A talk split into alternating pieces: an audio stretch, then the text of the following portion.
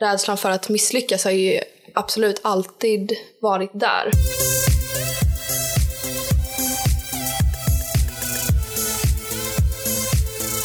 Hej och välkomna till Facka-podden med Caroline Rundqvist och Johanna Tummevik.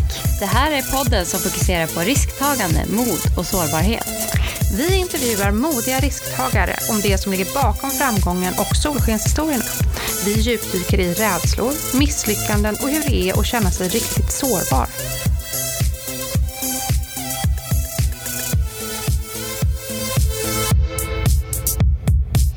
Kajsa Lundborg har, trots sin unga ålder, redan hunnit driva flera framgångsrika bolag, arbetat med tillväxt för Spotify i Norden, hållit sitt eget TED-talk, föreläst inför 15 000 personer och hjälpt alltifrån marknadschefer och VDs till hela ledningsgrupper hur man med digitalisering som kraft kan skapa framgång. Kajsa har utsetts till supertalang av Veckans Affärer och Microsoft har utsett henne som en av Sveriges främsta kvinnor inom IT.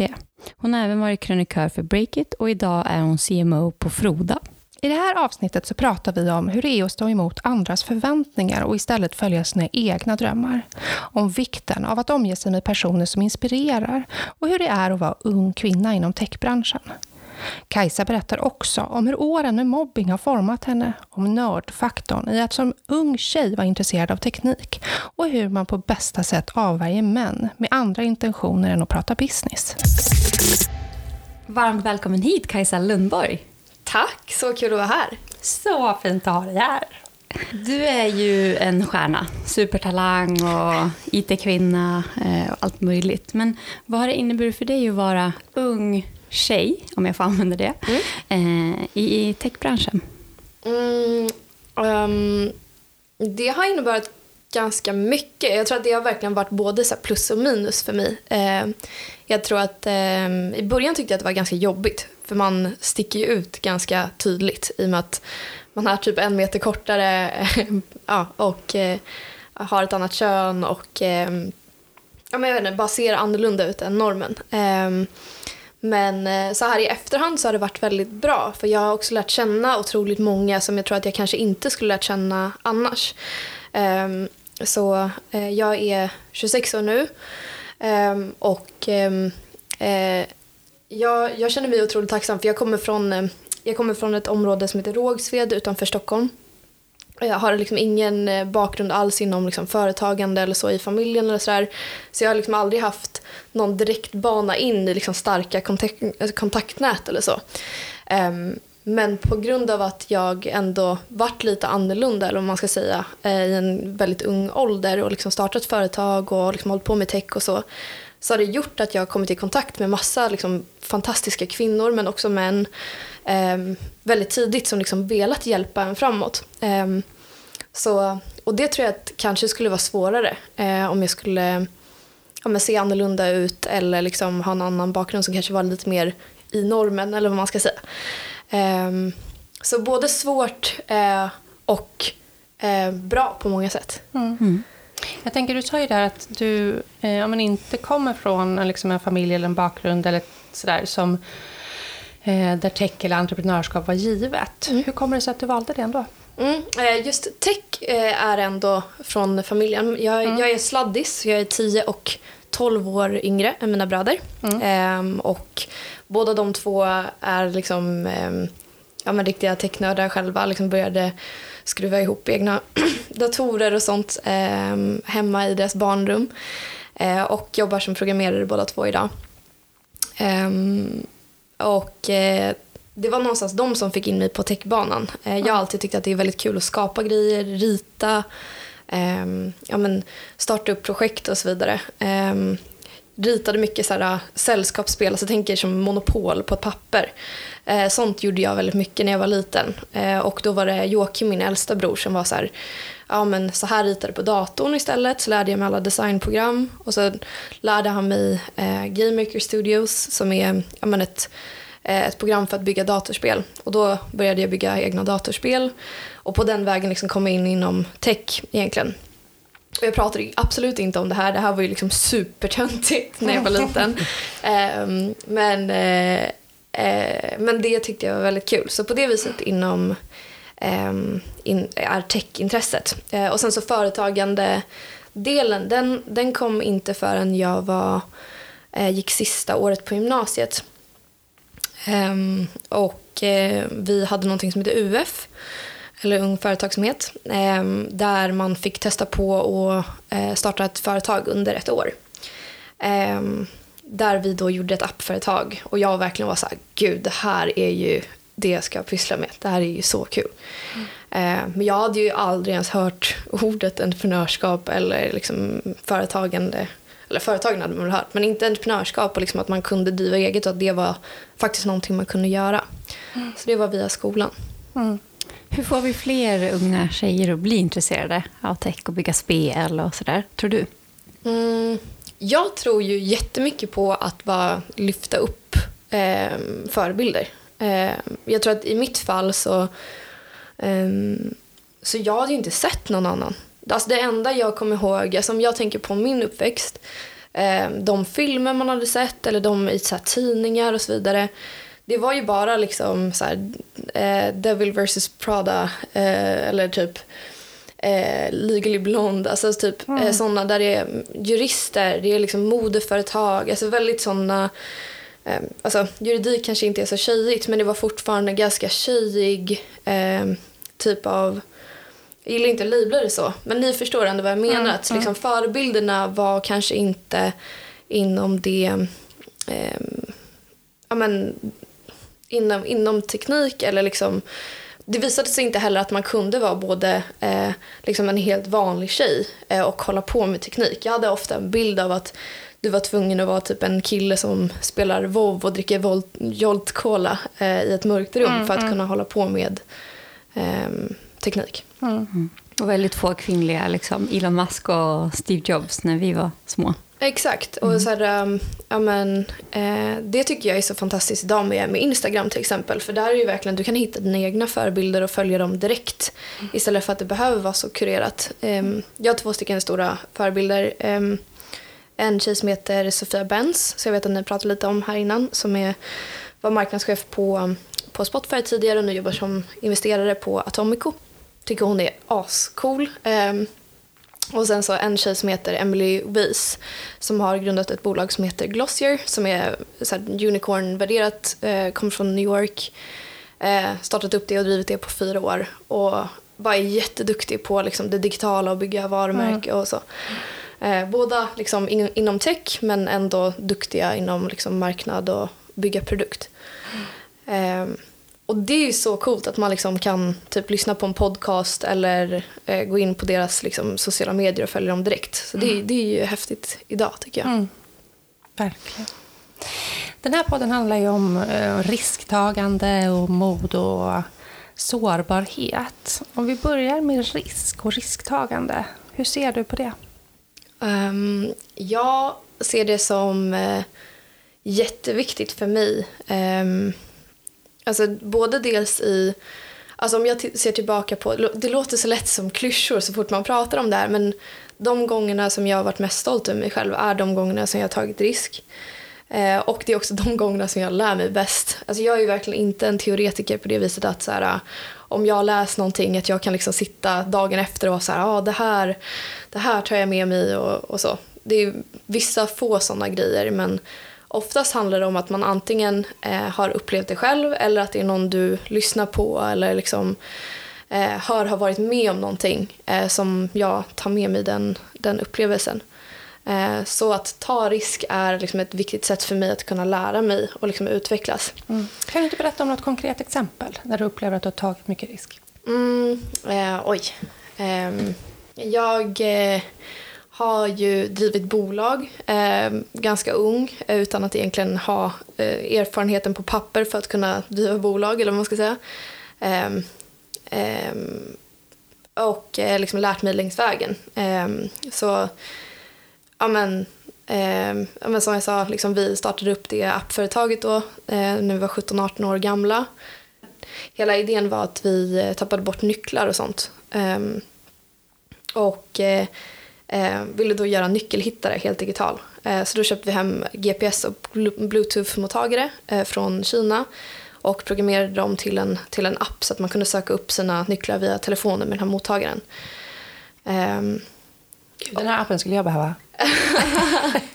ja, men, och det, är så, det var ju jättekul. Alltså, man lärde sig ju otroligt mycket. Men där var det ju verkligen så i efterhand att så här, eh, driva appföretag är ju, det är ju svårt och det kostar mycket pengar. Eh, och köpa hem saker från Kina, kommunicera med ett annat land, eh, köpa hem massa mottagare, alltså jättestor risk. Eh, alltså i och med att det ändå är pengar, man har inte så mycket pengar som 17-åring. Alltså, det var så många sådana grejer. Ehm, och eh, så här i efterhand, det var ju verkligen inte, vi gick knappt plus minus noll på det där eh, och höll ändå på alltså, länge, fem pers puttade in väldigt, väldigt många timmar i någonting som kanske i efterhand inte var en så stor finansiell uppsida. Men det som det gav mig var att det gav mig riktning för vad jag ville göra sen. Eh, och jag hittade liksom, amen, vad jag ville pyssla med. Eh, så, och jag tror att det, jag har bara fortsatt på den vägen, så jag har fortsatt starta nya företag. Eh, och liksom, det är lett mig till vart jag vill jobba eh, på andra företag och så här. Så jag vet inte, jag, ja, det är väl ett sånt exempel, att jag har gjort mm. mycket saker tidigt utan att jag har erfarenheten på papper mm. för att kunna göra det inom situationstecken. Mm. Och vad är det som gör att det, för det låter som att det kommer enkelt för dig att ändå ja, men prova och så nej det funkar inte och då startar jag ett annat bolag och vad kommer det därifrån tror du? För det första, Eh, det är så många gånger som man, eh, jag har legat hemma och verkligen varit så här, vad fan gör jag? Eh, och eh, alltså känt mig jätterädd. Eh, och eh, jag men, är tävlingsmänniska och väldigt så här, prestationsorienterad. Så liksom, rädslan för att misslyckas har ju absolut alltid varit där. Ehm, så att det är absolut inte så att det bara är liksom jättelättvindigt. Ehm, men jag tror någonstans att eh, för mig så handlar det väldigt mycket om lust. Alltså vad tycker jag är kul? Eh, vilka människor dras jag till? Eh, och ehm, det har någonstans vägt över. Att jag har blivit så för taggad på att vi måste bara testa den här idén. Eller ja, så här, vad är det värsta som kan hända? Ehm, och liksom försökt tuffa på ändå. Och jag tror också att, att jag har gjort det eh, utan att man har haft så mycket kunskap innan har gjort nog att man varit lite härligt naiv ibland också. Att man insett i efterhand att fan det här var inte alls så lätt. eh, men men att jag tror att det kan vara bra att bara köra igång och mm. lösa det längs vägen. Mm. Du sa då att du alltid varit rädd för att misslyckas. Mm. Vad är ett misslyckande för dig? Mm. Jag tror att, alltså, nu ser jag väldigt annorlunda på det idag. Eh, ehm, jag tycker att det är väldigt intressant eh, alltså, att prata om det med, med vänner och så. Alltså den största rädslor i livet och så. Och jag tror att den, min största rädsla i livet är att ha följt någon annans dröm eller att, eh, eh, att, att liksom bara leva på i en mall som någon annan satt upp och inte liksom gått efter det som jag tycker är kul eller det jag drivs av eller det som liksom inte designat mitt liv på det sättet som får mig att må absolut bäst. Um, och det är nog ett misslyckande för mig. Om man bara du vet, monotont går på repeat och inte tänker efter eller vågar utmana sig själv. Uh, men så var det inte alls när man var, alltså för något år sedan. Då tror jag att misslyckande var mycket mer liksom, ja, vad ska alla andra tycka och tänka om mig? Um, ja, men, är det här ja, men om man misslyckas med ett projekt eller ett företag eller någonting man gör eh, offentligt som någon annan kanske ser eller lyssnar på eh, som man kanske inte känner är tillräckligt bra. Eh, att man liksom är skeptisk och tänker att någon annan ska döma en. Jag tror att för mig så ser jag nog lite annorlunda på det idag. Um, Kopplar du det till mod? Jättemycket. Um, jag tycker det, det är bland de finaste komplimangerna man kan eh, ge och få tycker jag. Att man är modig. Det är där, jag är jätteglad över att jag alltså, får vara här idag. Jag tycker att det, det här är en så bra podd på det viset. Att, eh, att lyfta det och just att lyfta att det inte alltid heller är lätt att vara modig. Eh, alltså mod är eh, en otroligt fin egenskap som jag gärna vill liksom försöka ha så mycket av i mitt liv som möjligt. Men det är skitsvårt, det är lätt, jätteläskigt. När känner du dig som allra modigast? Mm, när jag går emot det som jag tror att många andra förväntar sig av mig.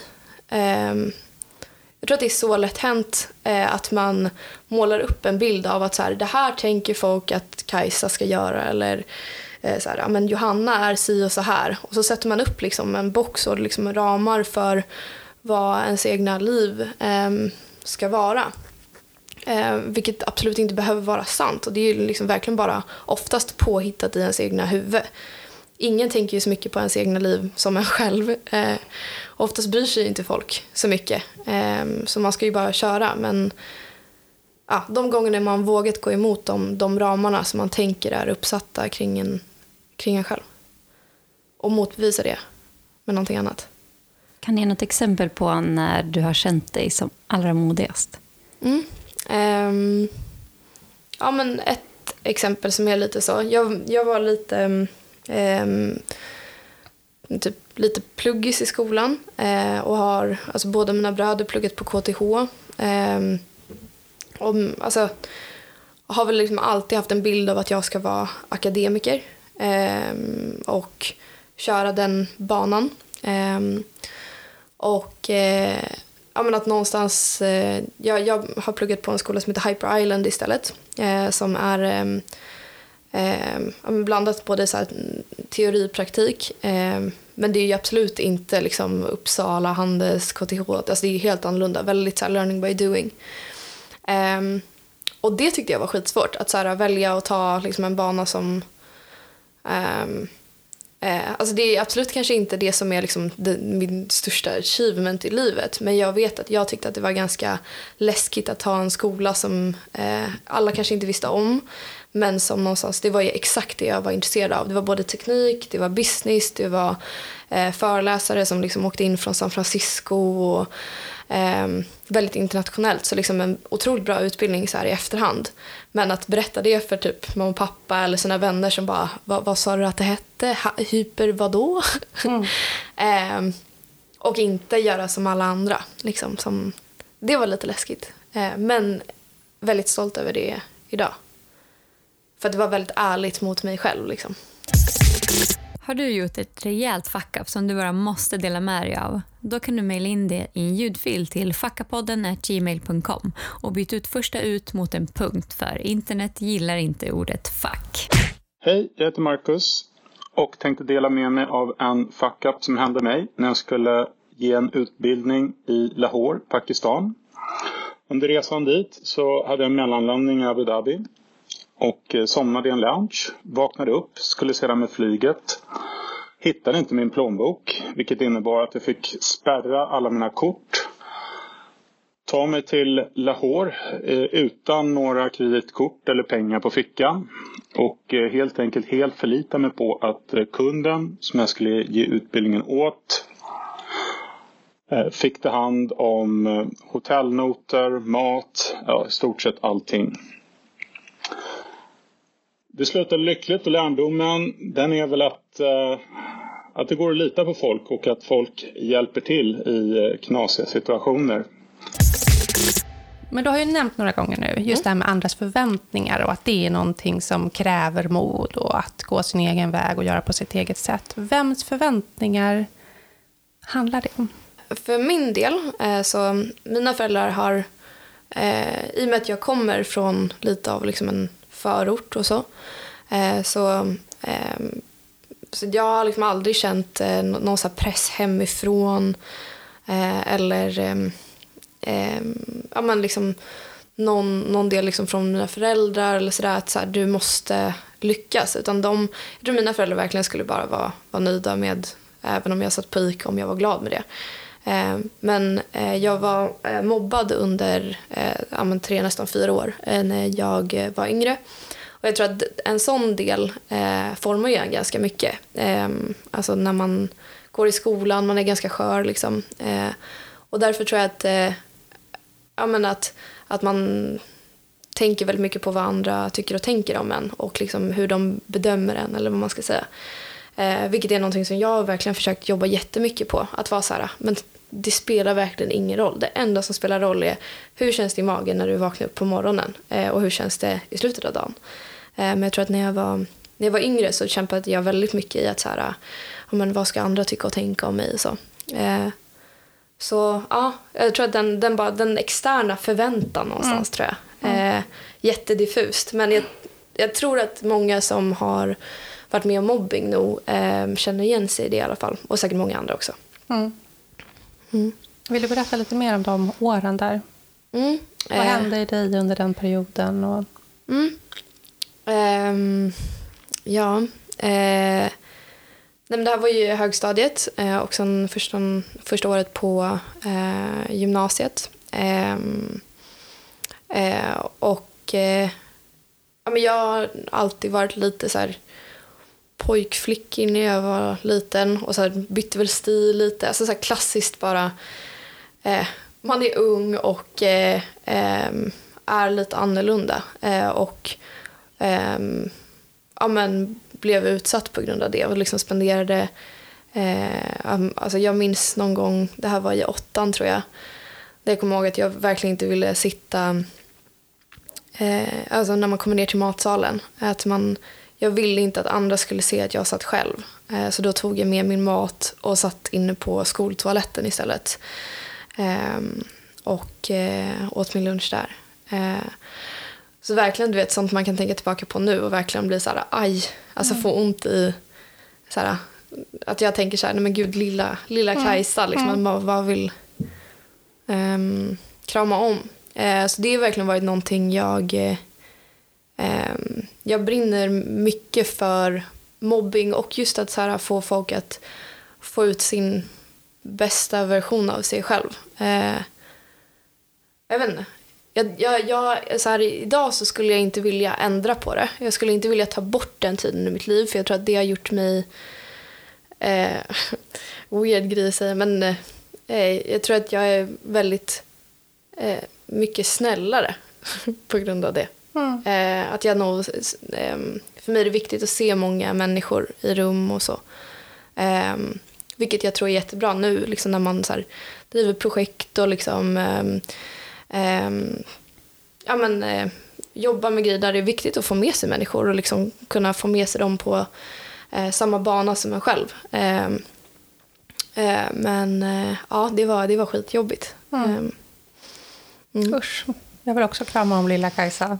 men, ja. Ja, verkligen. Nu var ju du inne lite på det med fuck-ups och så. Eh, och när man startar bolag och gör spännande saker så kanske händer en del fuck-ups. Mm. Kan du berätta om ditt smaskigaste fuck-up? Oj, gud jag har så många. Jag tror, alltså, eh, ah, ah, nej, jag har gjort jättemycket grejer. Men eh, ehm, mm, smaskigaste, den är svår. Men, eh, ja, men ett jag tänker på, det är väl inte så smaskigt kanske, jag vet inte. Men det är väldigt klassiskt som är så här, eh, jag tar med mig väldigt mycket nu, nu idag. Vi mm, startade en e-handel, vi skulle sälja posters. Jag sålde, sålde posters med eh, så här, tryck där det var så här red wine, beer, eh, whisky. Alltså vi hade gjort det väldigt maskulint. Och tänkte att så här, det här funkar jättebra för Södermalms hipsten. Och var liksom helt inställda på att så här, vi hade liksom målat upp en bild på exakt hur han såg ut, exakt gam hur gammal. Eh, tog liksom våra pengar, investerade i massa marknadsföring, liksom gick all in på den personen. Eh, liksom, och eh, marknadsförde mot den.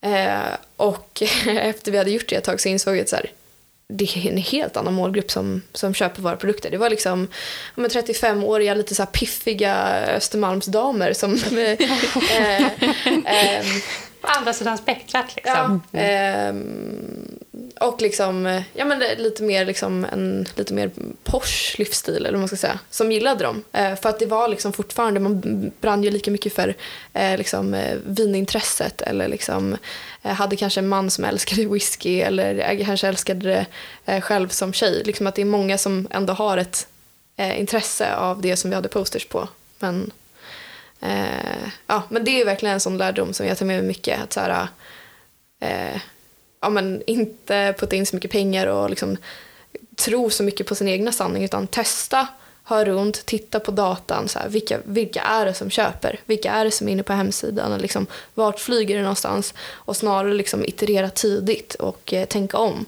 Eh, istället för att liksom ja, vara så övertygad kring, kring att man själv har rätt från början. Liksom. Mm. Har du något annat eh, fuck-up där som är nära ett fuck-up, men Mm. där du har gjort en riktigt bra save?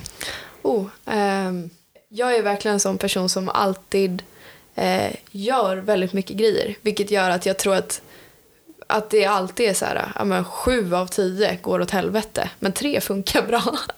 Eh, så jag tror att det är också väldigt mycket, ehm, ja, jag tror att jag försöker rycka ganska mycket på axlarna i att så här, oftast minns inte så många efteråt. Det är oftast jävligt jobbigt för en själv att det är jävligt pinsamt samma dag.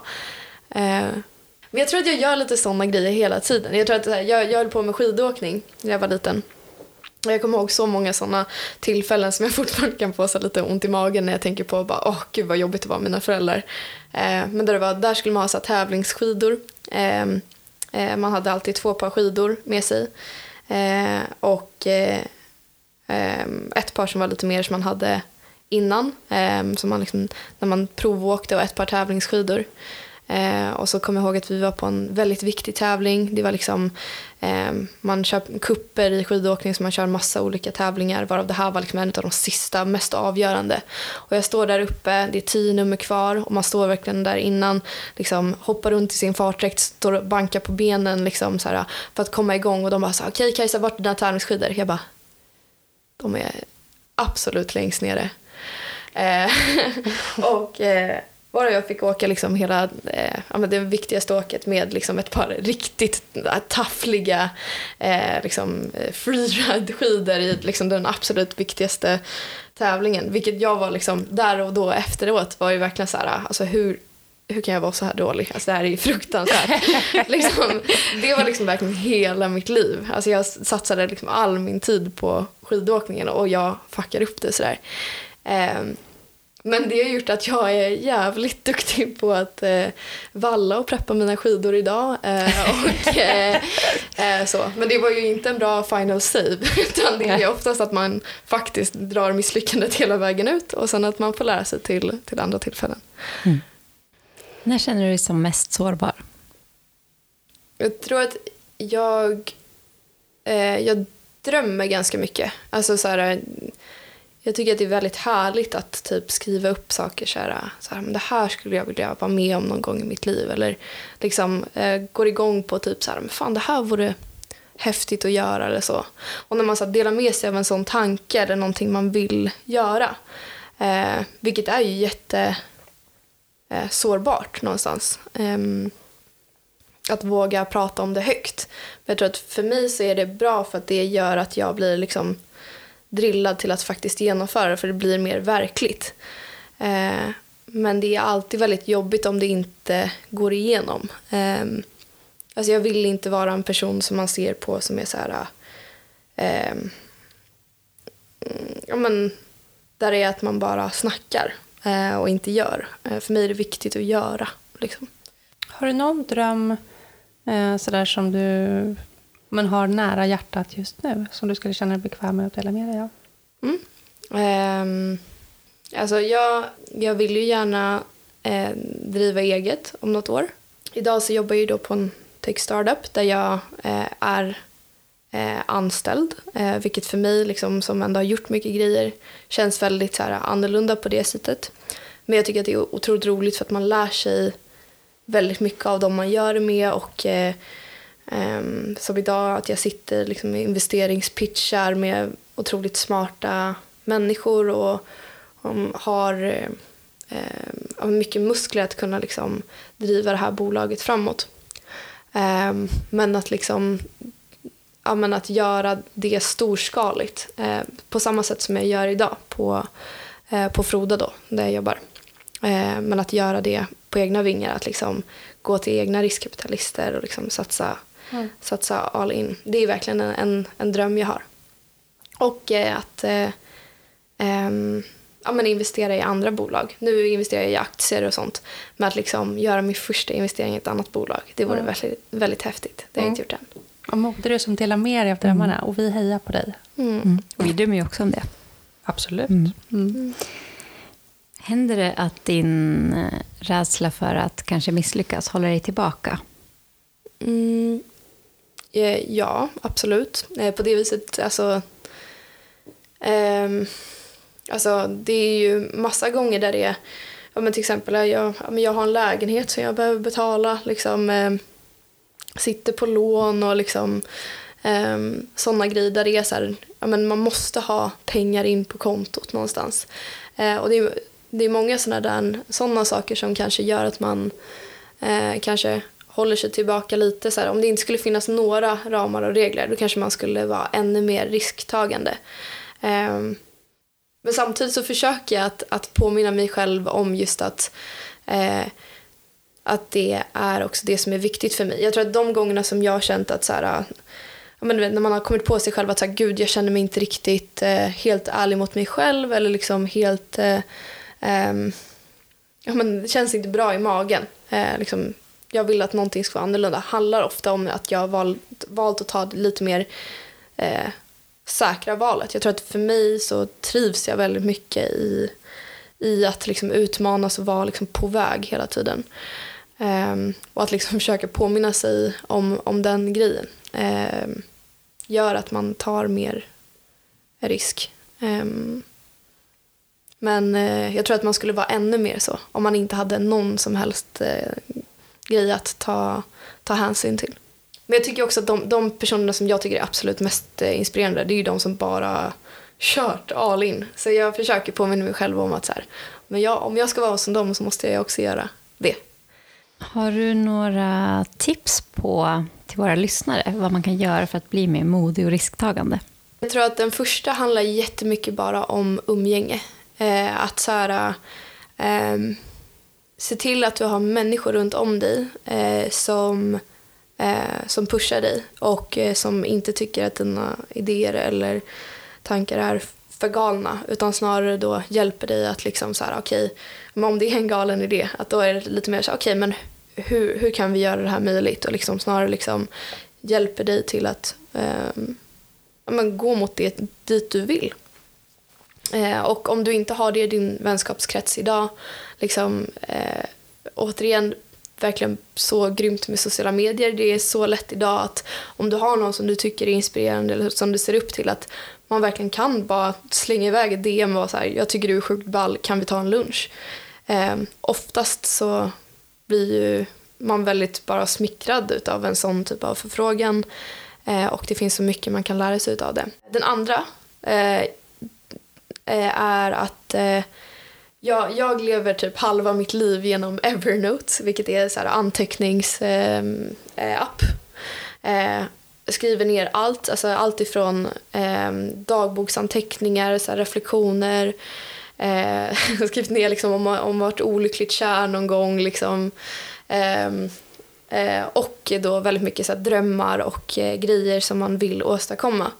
Eh, och jag kan ofta känna att ehm, eh, att man känner att man står still eller att det, det känns som att så här, ja, men jag vet inte riktigt vad jag vill. Även fast man kanske omedvetet vet just det eller har tagit sig väldigt mycket längre än vad man själv tänker på för att man är rastlös. Eh, men att ha liksom eh, typ en app eller liksom något ställe där du skriver upp alla grejer just för att dels påminna dig själv att du är på väg och liksom kan bocka av de här delarna men också att kunna påminna dig själv bara just ja men fan det, är det här jag vill göra för då blir det lite lättare. Kajsa, stort tack för att du har varit med oss idag i podden. Mm, tack för att jag fick komma hit, det var jättekul att prata med er. Tack snälla. Vad tar du med dig Caroline från det här härliga avsnittet med Kajsa? Jo, men Kajsa pratar ju om när hon vid flera olika tillfällen har hamnat i situationer där ja, men män har velat ha andra saker av henne än, än liksom rent affärsmässiga. Johanna, har du någon erfarenhet av det? eller? Ja, eh, det har jag och tyvärr skulle man vilja säga. Ehm, det hände faktiskt kopplat till en, ett föreläsningserbjudande och det var ganska obehagligt. Och jag tror det som svårast är det att så här, manliga kollegor till en början bara, men det här är inte så farligt. Och, ja, men han är ju bara snäll och intresserad. Och, så här och någon kommenterade att jag borde vara glad för att så här, det vore väl roligt om någon raggade på mig. Eh, och det, ja, men du vet. Men till slut så fattade de också att det gick överstyr och sådär. Och så fick man väl uppbackning och de lärde sig väl någonting av det. Men det är så tråkigt att det ska behöva vara så faktiskt. Mm. Men eh, Kajsa pratar ju också i intervjun om det här med att stå emot andras förväntningar och att eh, våga följa sina egna drömmar. Och det är någonting som väldigt många som vi har intervjuat tar upp. Och det blir väldigt tydligt att många kämpar med det för att ja, vem är man i relation till andras förväntningar? Man vill leva upp till, till andra runt omkring, men samtidigt så har man ju de här innersta drömmarna som man kanske haft från barndomen och det är så viktigt att bejaka dem tror jag. Verkligen. Och vi, all, vi hejar alltid på de som följer sina drömmar. Alltid. Mm. Och de som står upp mot män. Exakt. Verkligen, båda två. Mm. Eh, och med det då, så tackar vi för idag och hoppas att ni har haft en härlig och inspirerande stund när ni har lyssnat på Kajsa. Eh, vi hörs om en vecka igen. Ta hand om er tills dess. Ha det bra. Hej då!